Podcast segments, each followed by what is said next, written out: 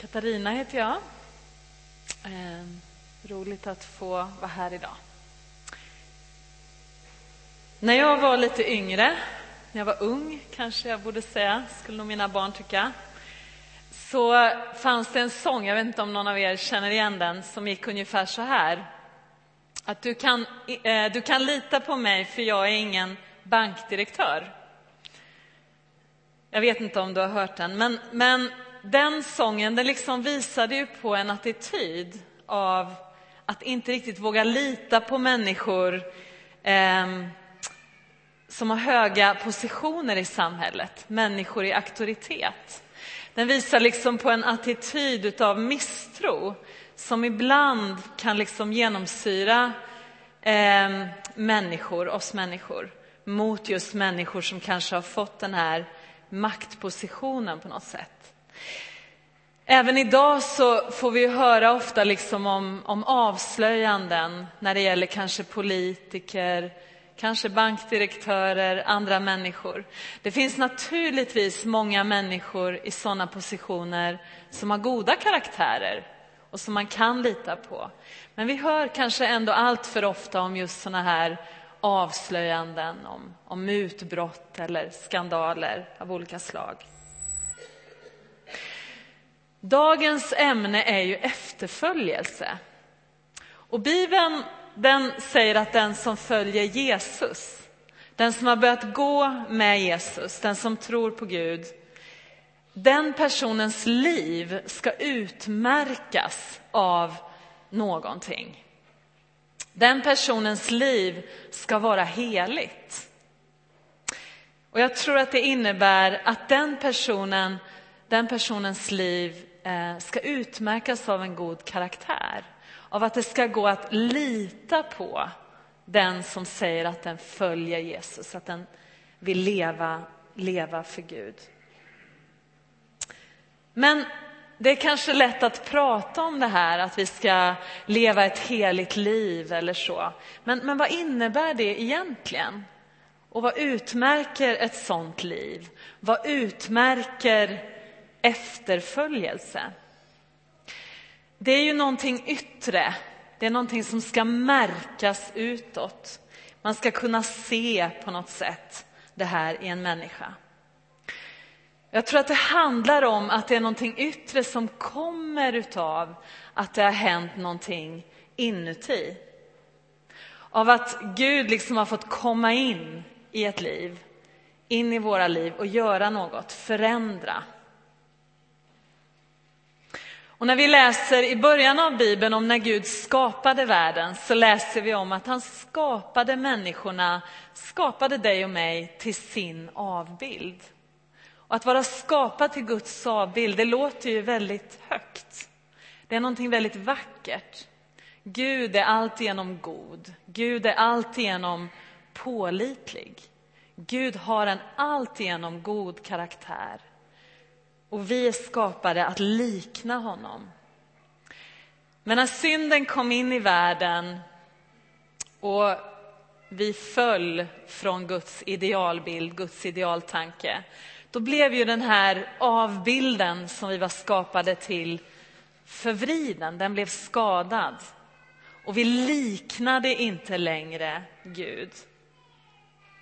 Och för att vi på nytt ska kunna göra det, kunna leva i en efterföljelse som går att se, går att märka, så behöver vi på nytt inbjuda honom och låta honom göra någonting inuti. Jag tror att efterföljelse handlar om en inre förvandling.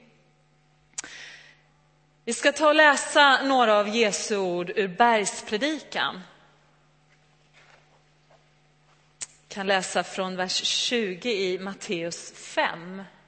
Matteus 5, 20 och framåt. Ni har hört att det blev sagt till fäderna, du ska inte dräpa, den som dräper undgår inte sin dom. Men jag säger er, den som blir vred på sin broder undgår inte sin dom. Och den som okvädar sin broder undgår inte att ställas inför rådet. Och den som förbannar honom undgår inte helvetets eld. Om du bär fram din gåva till offeraltaret och där kommer ihåg att din broder har något otalt med dig, så låt din gåva ligga framför altaret och gå först och försona dig med honom. Kom sedan tillbaka och bär fram din gåva. Skynda dig att komma överens med din motpart medan ni ännu är på väg, så att han inte överlämnar dig åt domaren och domaren lämnar dig åt vakten och du sätts i fängelse. Sannerligen, du slipper inte ut förrän du har betalt till sista öret. I de här orden eh, så nämner Jesus fariseerna. Och han säger om dem eh, säger om dem att de hade en rättfärdighet. De, hade, de, de var kända för en efterföljelse som märktes. De var kända för att på något sätt avspegla Gud. Men Jesus säger att det han kallar oss till, som vill följa honom, det är en rättfärdighet som är större än fariseernas. Att vi på något sätt ska överträffa deras rättfärdighet. Fariseerna eh, var ju de skriftlärda på Jesu tid, de som verkligen kunde sin bibel. Och de var ju liksom experter på, eh, på fromhet. Så va? Men fariseerna trodde ju att vägen till Gud och, och det här med rättfärdighet handlade om att prestera fromhet. Att liksom förtjäna rättfärdighet genom att göra det som var rätt. Och de ville visa sin fromhet genom att lyda lagen och ännu mer. Att till och med lyda lagar som de själva hade lagt till Guds lag. Och de såg väldigt laglydiga ut, för utåt så visade de ju upp den här liksom fasaden av, av lydnad, fasaden av fromhet.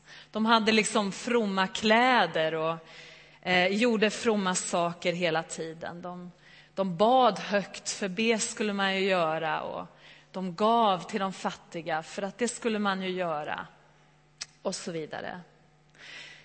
Men om man lyfte på det yttre så kunde det se ganska annorlunda ut där inne. Och det var ju det som Jesus ville visa på. Just att fariseerna kunde göra allt det här, all den här yttre fromheten utan att kanske ha verklig medkänsla, verklig kärlek inombords. De bara liksom gjorde de här gärningarna för att själva bli sedda, för att själva bli upplyfta. Men hur gör vi då det här att visa en större rättfärdighet än dem? Det är ju inte genom att liksom överträffa dem i att göra goda gärningar. Utan en större rättfärdighet är ju då en rättfärdighet som, som kommer inifrån. Den liksom är självlysande. Den märks genom att den är genomsyrad och, och född av kärlek. Den kommer av att vi har fått uppleva den här inre förvandlingen det här gudsmötet. Och det kommer först. Och det är ur vår relation med Jesus, ur den här kärleken som Gud vill fylla vårt hjärta med, som vi kan börja att känna för andra människor och att verkligen se andra människor på det sätt som, som Gud vill. Vi har precis firat vår yngsta sons, eh, Benjamins, femårsdag. Och det var jätteroligt. Ehm, han föddes med Downs syndrom. Och innan vi fick Benjamin så vet jag att jag hade inte så jättemycket medkänsla eller förståelse för människor med funktionshinder. Och jag har märkt väldigt tydligt att just genom att mitt eget barn, som jag ju har mycket förståelse för och verkligen älskar, att, jag, att se hur han kämpar med sina begränsningar och ändå övervinner dem många gånger.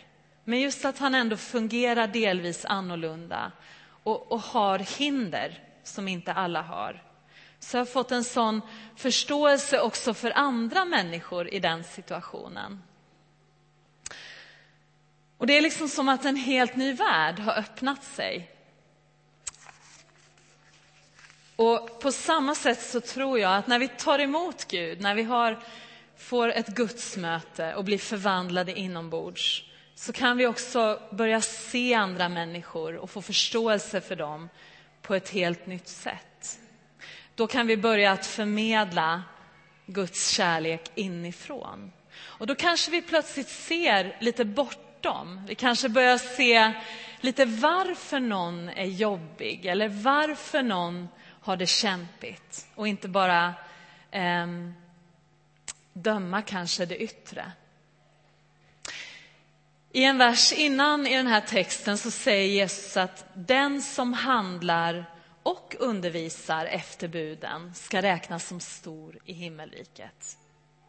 Alltså att inte bara säga någonting utan också visa det med sitt liv. Det är inte fariseiskt att göra gott eller att tala om att göra gott. Det som är fariseiskt det är när vi bara talar om det eller när vi gör det av fel motiv. När vi inte handlar inifrån. Om jag ska vara ärlig så har jag gjort väldigt mycket i mitt liv av själviska motiv. Men jag tror att Gud verkligen vill hjälpa oss med det här. Han vill lära oss att börja leva mer utåtgivande. Utgivande. Att tänka på andra först. Att liksom se andras behov. Och ibland kan man ju känna att det blir lite överväldigande. Man kan känna sig liten. Men just det där att man kan börja någonstans. Du och jag kan göra någonting och börja där. Oftast så tror jag att vi kan börja med just utifrån en känsla av barmhärtighet. En känsla av kärlek som, som Gud ger oss. Att när vi börjar känna starkt för någonting eller för någon i en viss situation så kan vi just där kanske göra någonting och få se hur Gud använder oss mer och mer. Och det tror jag är en sann fromhet. Det är efterföljelse. Att leva ut det där som Gud först lägger ner i oss. Eller att ge som gåva det vi får som gåva. Psalm 15 talar också om det här. Där står det om att leva ett heligt liv. Eller psalmisten frågar, vem får vara nära Gud? Vem får vara i hans tält på hans berg? Alltså där Gud är, i hans närhet. I den här salmen så står det att jo, det är den som behandlar andra väl. Och det är väldigt konkret där att det till exempel kan handla om att inte lägga ränta på ett lån till någon. Eller att liksom vara omutbar, att vara sann i tal och tanke. Och återigen så tror jag att det kommer inifrån. Sann både i tal och tanke.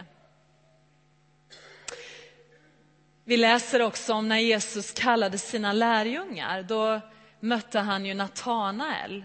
Och när han såg Natanael så sa han till honom att det här är en sann israelit, sa han. Du är en sann israelit, en som är utan svek. Alltså någon som det går att lita på.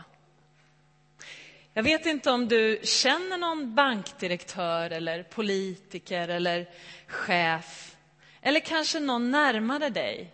Eh, någon vän eller granne eller någon i din familj som verkligen har en god karaktär. Någon som du verkligen kan lita på, som är så där utan svek. Människor i maktposition kan vi ju inte alltid välja, men våra vänner väljer vi väldigt noga. Och vi väljer ju ofta vänner just efter karaktär.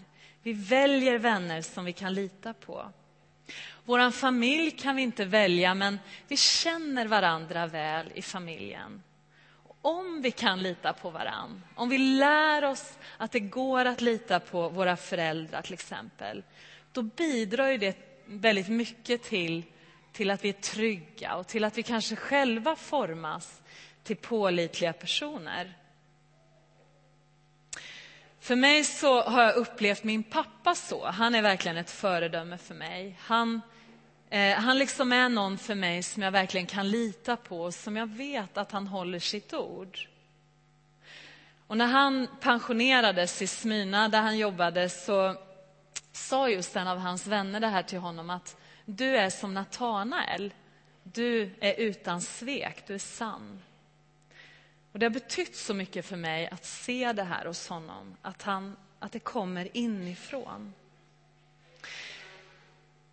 Och att vi blir sanna människor, att vi kan visa att vi är det, det kan ju ha mycket med, med arv och miljö att göra. Det kan ha med goda liksom, uppväxtförhållanden och, och så att göra, absolut. Men det vi ser i Bibeln och det vi, det vi läser i bergspredikan, det är att det har väldigt mycket att göra med att följa Jesus. Det har mycket med efterföljelse att göra. Och att när vi väljer att följa Jesus, när vi väljer att, att gå med Gud, då lovar han att forma oss. Och då blir det inte vår egen ansträngning. Då blir det inte det här att vi behöver prestera en fromhet. Jesus ger oss en annan bild ju, och det är ju den där bilden med vinträdet och grenarna. Där han säger att om vi förblir i honom, precis som grenar som förblir i ett träd, då lovar han att vi ska bära frukt.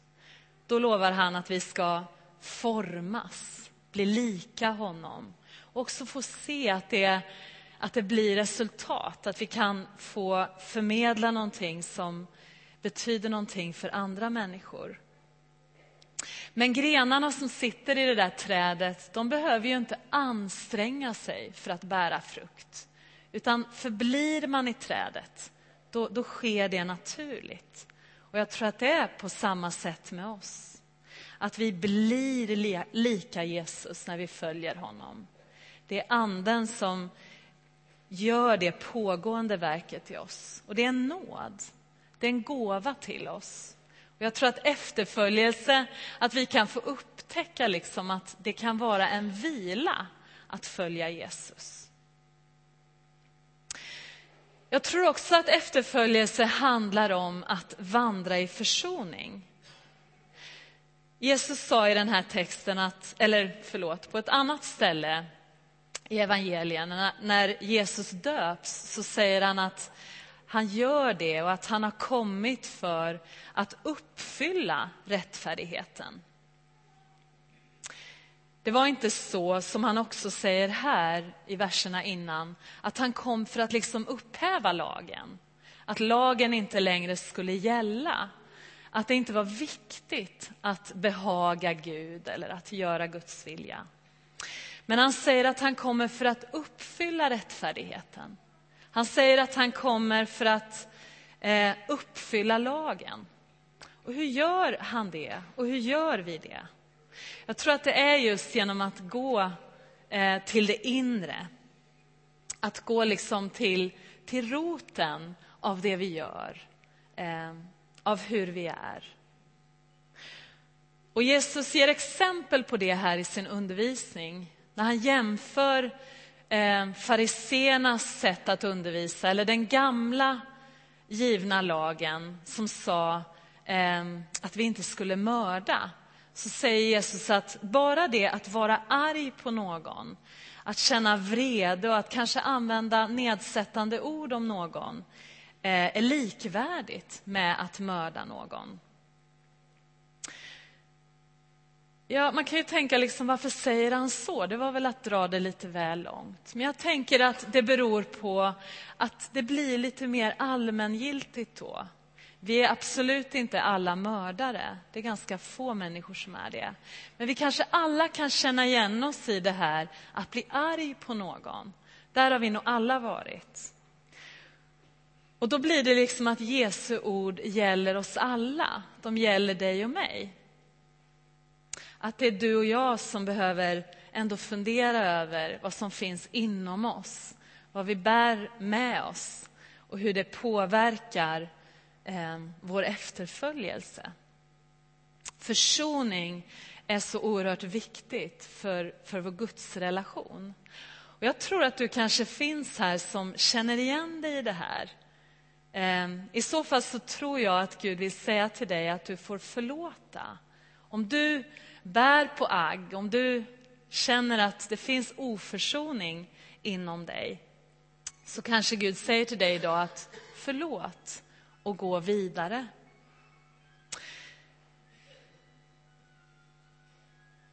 Om du bär fram din gåva, sa Jesus här. Alltså om vi kommer på det här, att vi bär det här inom oss. När vi vill komma inför Gud. När vi vill göra någonting för honom tjäna honom. Eller kanske helt enkelt vara inför honom i tillbedjan, i lovsång, göra gudstjänst. Då är det så viktigt vad vi bär inom oss. Den här texten lär att det påverkar vår gudstjänst. Vi kan inte både söka Gud och hålla fast vid det här agget eller den här oförsoningen. Att bli arg, det är mänskligt, det blev Jesus också. Och det är bara ett exempel här. Men det är det där med att hålla fast vid, att kanske låta det samlas på hög. Jag tror det är viktigt att vi inte låter oförsoning gå för långt. Vi kan arbeta på att liksom inte låta det samlas på kontot. Och vi kan öva oss i att ta första steget. Vi kan öva oss i att säga förlåt även om det är den andra som har gjort fel i våra ögon.